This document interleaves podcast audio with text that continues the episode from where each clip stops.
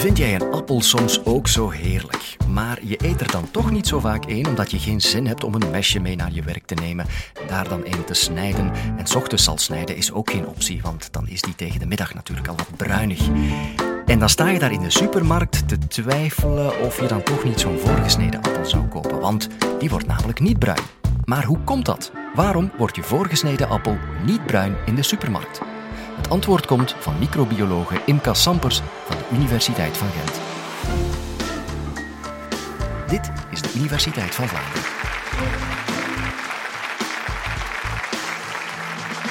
Op vele scholen is er fruitdag. Dat is ook zo bij mijn zonen. En dan hebben ze altijd de luxe, van die voetballen nogal graag, dat ik hun appeltje, maar ze eten heel graag appels, dat ik die al klaarmaak voor hen in de zin van ik ga die in vier stukjes maken. Ik ga daar ook al het klokhuis uithalen en dan kunnen ze dat heel snel opeten en hebben ze nog voldoende tijd om te kunnen voetballen. Maar toch zijn er van die dagen dat ze thuiskomen en als ik dan dat appeltje, of dat toosje beter gezegd, open doe, dan zie ik dat dat gezond appeltje daar nog altijd in zit. Dan zeg ik van Guillaume, Mathieu, allez, eet nu dat appeltje op, dat is lekker gezond. Dan zeggen ze van, mama, heb je die appel eigenlijk al gezien? Je ziet er toch echt wel vies uit en bruin. Ik moet daar niet mee hebben, hoor. Mocht hem hebben, die appel. Nu goed, jullie hebben misschien ook al een fruitsla gemaakt. Jullie hebben ook waarschijnlijk al gemerkt dat hij dat best vers maakt. Dus juist het moment voordat we dat eigenlijk moeten gaan opeten. Of je hebt misschien ook al dat keukendrukje uitgehaald, waarbij dat we citroensap gaan gebruiken en op die manier eigenlijk zo die verkleuring, die bruinkleuring gaan tegengaan. Maar bij ons op de universiteit staat er naast de chocoladeautomaat of de snoepautomaat staat er daar een automaat met allemaal van die kleine bakjes in met kant-en-klare, voorgesneden fruitslaatjes, appeltjes of een mengelingetje van, van alles en nog wat. Naast wat smoothies, want we promoten natuurlijk, zeker de dag van vandaag, om fruit te gaan eten en gezond te wezen.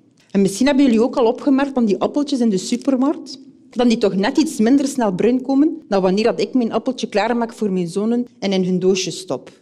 Nu, de consument die is ook veel eisend, want die eist natuurlijk als zij hun product kopen in de supermarkt, dat hij eruit ziet zoals dat hij juist vers is klaargemaakt. Dus dat hij niet die bruine, lelijke kleur heeft. Dus we wensen eigenlijk te gaan kijken naar de organoleptische kwaliteit. Nu, wat is dat, de organoleptische kwaliteit? Daarbij gaan we onze zintuigen gaan gebruiken en gaan we kijken naar de geur, de kleur en de smaak van het product. Dat is ook het eerste dat wij gaan doen als consument. Als we gaan kijken in de supermarkt of in die automaten, dan gaan we kijken en zeggen van ah, dat ziet er nog mooi uit, is een mooie kleur, die heeft nog de goede vorm zoals dat we eigenlijk verwachten. En dan gaan we dat product kopen. Is die al wat aan het bruin worden, of net hetzelfde als bij de sla, dan gaan we die niet kopen. Die gaan we die links laten liggen in de schappen van de supermarkt. En dat betekent natuurlijk een afvalberg, een voedselverlies en een economisch verlies voor de producent of de supermarkt. En we moeten daar dus iets aan doen. We moeten dus zorgen dat die houdbaarheid, want de consument vraagt dat, toch net iets langer is dan één à twee dagen. Dus liefst een week en misschien als het kan zelfs twee weken. Nu, hoe kunnen we dat nu eigenlijk gaan verwezenlijken voor de industrie om die bruinkleuring te gaan tegengaan? Daarvoor moeten we natuurlijk eerst weten wat veroorzaakt die bruinkleuring.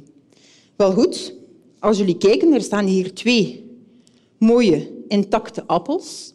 En zoals jullie kunnen zien, zolang ze mooi en intact zijn, dan gaan die niet bruin kleuren. Waarom? Een appel die heeft eigenlijk die natuurlijke beschermbarrière, waardoor dat hij beschermd is tegen die bruinkleuring. Maar van zodra dat ik eigenlijk in mijn appel ga snijden, dan ziet hij er nog altijd mooi vers uit, het kleur dat we eigenlijk verwachten, maar na zekere tijd zal die bruin kleuren. Nu, net hetzelfde bij de sla. Van het moment dat we die gaan oosten en die krijgt een duwtje of een kneusje, of we gaan die gaan snijden, dan zal die na verloop van tijd ook bruin kleuren. Zeker aan de snijranden gaat je die bruine kleur kunnen gaan waarnemen. Hoe komt dat nu eigenlijk? Wel, de plant die heeft een natuurlijke bescherm, een immuunsysteem als het ware. En dat immuunsysteem die gaat eigenlijk van zodra de plant, zijn het fruit of de groente, als die mechanische schade ondergaat, dan gaan er fysiologische mechanismen in werking treden die eigenlijk gaan leiden tot een zeker kwaliteitsverlies dat kwaliteitsverlies dat vertaalt zich hier in bruinkleuring. Nu, die bruinkleuring die is enzymatisch van aard. Nu, wat betekent dat, enzymatisch? Dat wil zeggen dat enzymen hier een heel belangrijke rol gaan spelen. Enzymen dat zijn eiwitten, aanwezig in de groente of het fruit, die onder een bepaalde pH of temperatuur uiteindelijk een bepaald substraat gaan omzetten in een ander component. Dus er gebeurt daar iets waarbij dat het enzym zelf in kwestie niet wordt verbruikt. Dus na de reactie zal het enzym nog altijd dezelfde zijn als voor de reactie. Dus die gaat eigenlijk die reactie gaan katalyseren. Die zorgt ervoor dat die reactie doorgaat of versneld wordt. Dat is eigenlijk een enzym. Nu, als we dat eventjes terug vertalen naar onze appel, om die als voorbeeld te nemen, dan hebben we daar ook enzymen. En die enzymen die zitten eigenlijk vervat in organellen. Dus die organellen die zijn aanwezig in de plantencel. Dat is eigenlijk een soort van compartimentering. Nu, het substraat, die eigenlijk omgezet wordt in een ander component, die zit eigenlijk in andere organellen. Dus eigenlijk in een ander compartiment. Dus die zijn door, van elkaar gescheiden via de organellen. Nu, van zodra dat wij eigenlijk in de appel gaan snijden of dat we gaan snijden in onze sla, dan gaan we eigenlijk die compartimentering kapot maken. Dat betekent dus eigenlijk dat op dat moment eigenlijk het substraat en de enzymen met elkaar samenkomen. Nu hebben we nog een derde factor nodig om die bruinkleuring te veroorzaken, en dat is eigenlijk zuurstof. Zuurstof, alom vertegenwoordigd in de omgeving. 21 procent van de lucht bevat zuurstof. En het is eigenlijk het zuurstof die gaat reageren met, die, met het substraat, eigenlijk die fenolische componenten noemen wij dat dan, en die zal dus eigenlijk omgezet worden door een reactie met het zuurstof.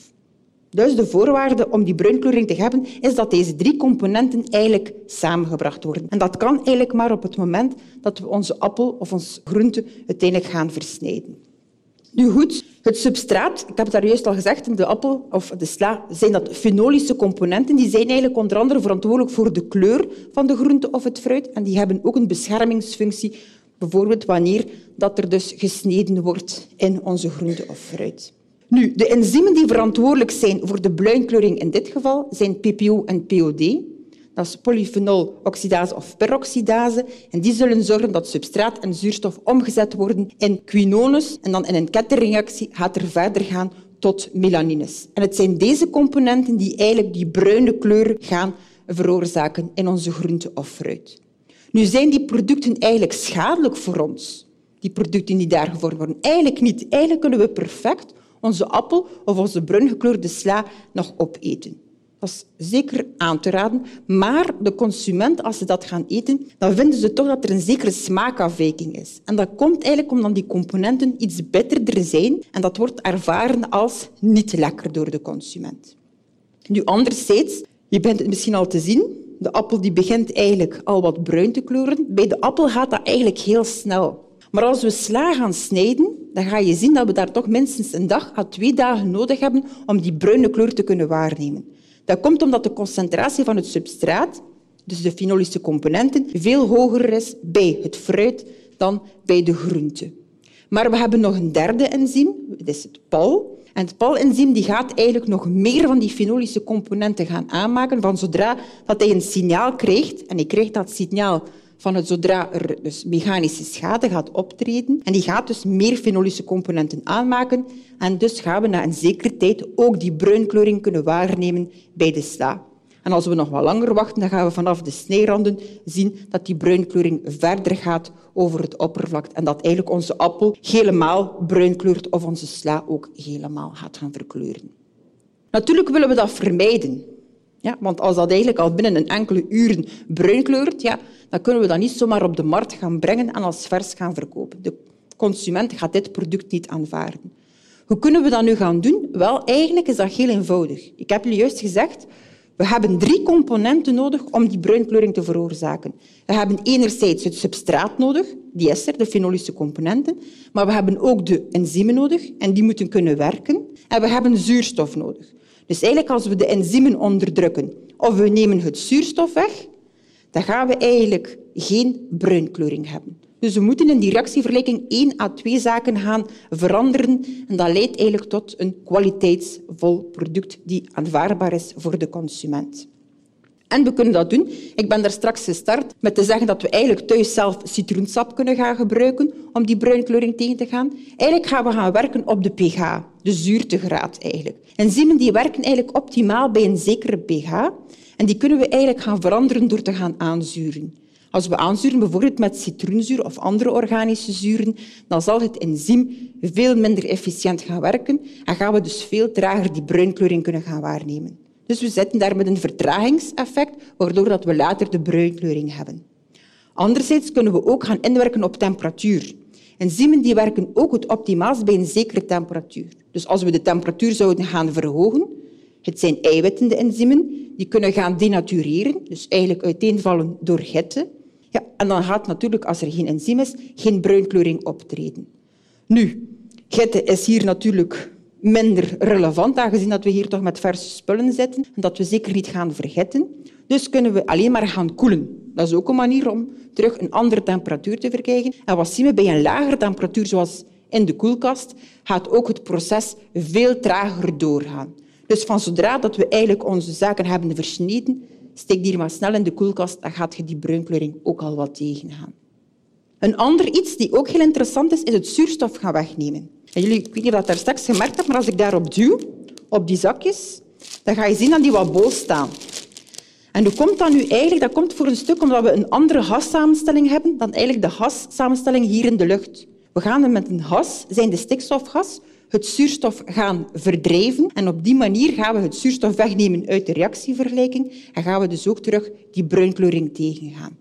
En dat is wel heel interessant, maar één nadeel. Van zodra ik de zak zal openen, kan er zuurstof in de zak terechtkomen en natuurlijk gaat de bruinkleuring terug opstarten. Dus dat betekent, als we dat open doen, dan moeten we die dan ook heel snel gaan opeten of anders gaan we die binnen afzienbare tijd ook bruin zien. Goed, dat zijn al drie zaken die we kunnen doen. Een andere zaak is het toevoegen van chemische additieven.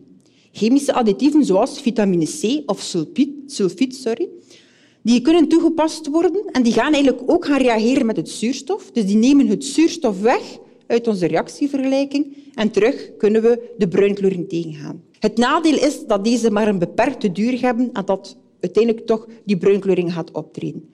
Een ander is sulfiet. Ik weet niet of jullie het weten, maar sommige mensen zijn ook allergisch bij grote concentraties aan sulfiet, dus zijn ook niet aan te raden om te gaan gebruiken. Of we moeten al kijken op het etiket en zeker zorgen dat we die niet gaan opeten.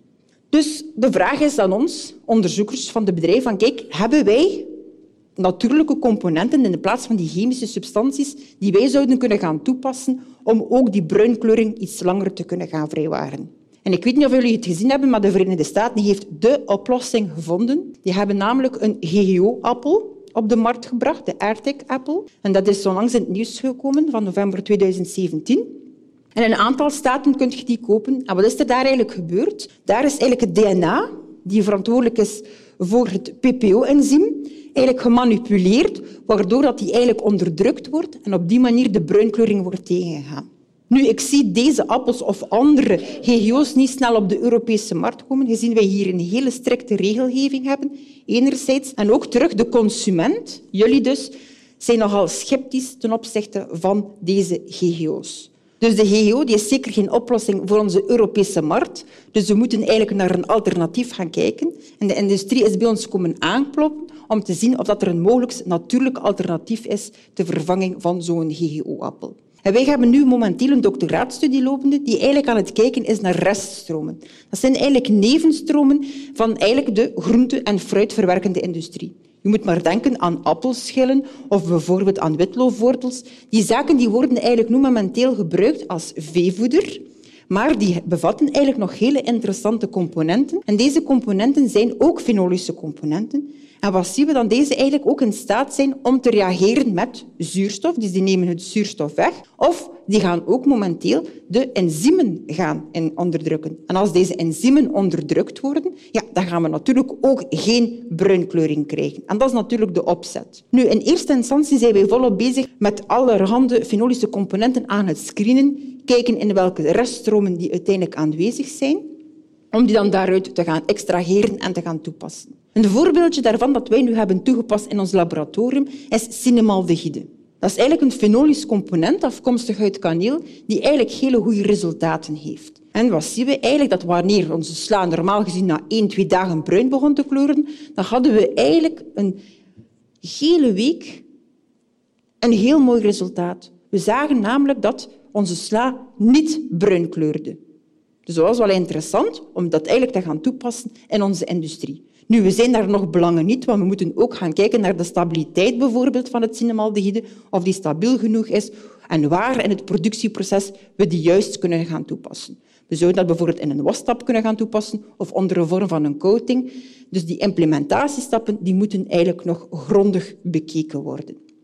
En dat is eigenlijk wel heel interessant. Dus om nu eigenlijk naar de vraag terug te keren van kunnen we eigenlijk verwachten dat een voorgesneden appel niet bruin wordt in de supermarkt, dan denk ik dat dat zeker aangetoond is vandaag. We hebben al heel wat zaken voor de industrie onderzocht die nu momenteel kunnen toegepast worden, zoals bijvoorbeeld de gemodificeerde atmosfeerverpakking, waarbij dat we eigenlijk ervoor zorgen dat we het zuurstof wegnemen en dus geen bruinkleuring gaan veroorzaken. Anderzijds weten we ook al intussen dat ons onderzoek volop bezig is om die natuurlijke componenten te gaan uittesten. En wie weet gaan we misschien nog straks twee weken lang ons appeltje in de koelkast kunnen bewaren en daar nog altijd lekker van kunnen smullen. Dit was een podcast van de Universiteit van Vlaanderen. Gratis dankzij de steun van de vijf Vlaamse universiteiten, de Jonge Academie, KNAK en Radio1.be.